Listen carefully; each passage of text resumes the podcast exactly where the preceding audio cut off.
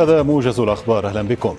أصيب ستة إسرائيليين اثنان منهم في حالة خطيرة في عملية إطلاق نار بمستوطنة معالي أدوميم شرقي القدس.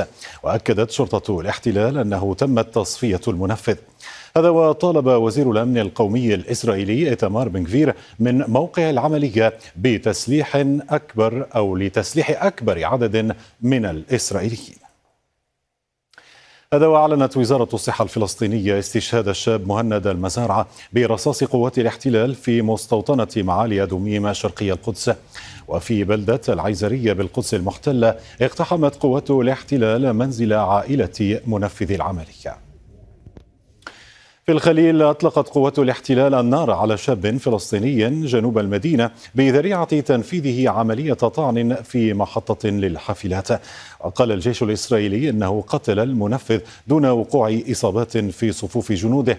بينما أعلنت فصائل فلسطينية من بينها حماس والجهاد والجبهة الشعبية أن الرد على الاعتداءات لن يتوقف.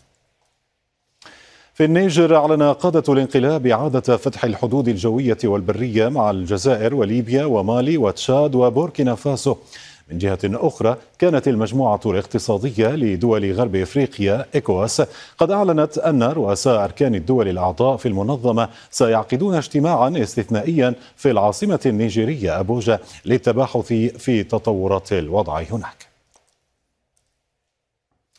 وقال سفير النيجر لدى الولايات المتحدة كياري ليمان تنجيري إن هناك موقفا دوليا وإفريقيا موحدا يدعو إلى وقف المحاولة الانقلابية وتحرير الرئيس.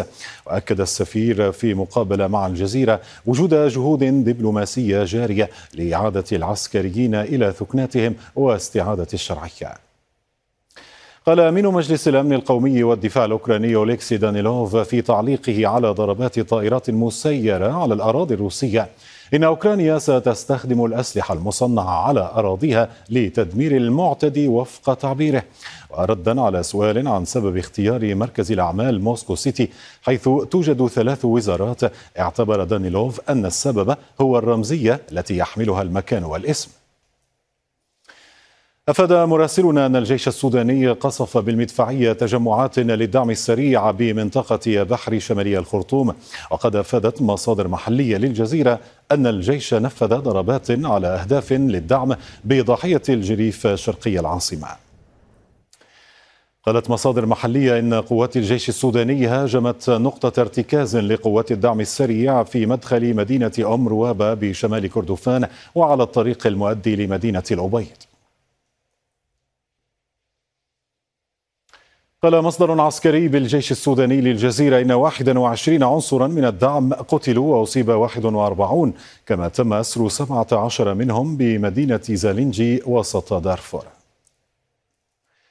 أقال الرئيس التونسي قيس سعيد رئيسة الحكومة نجلاء بودن وعين أحمد الحشاني خلفا لها. وقد أدى الحشاني اليمين الدستورية مساء الثلاثاء أمام الرئيس قيس سعيد. انتهى الموجز إلى اللقاء.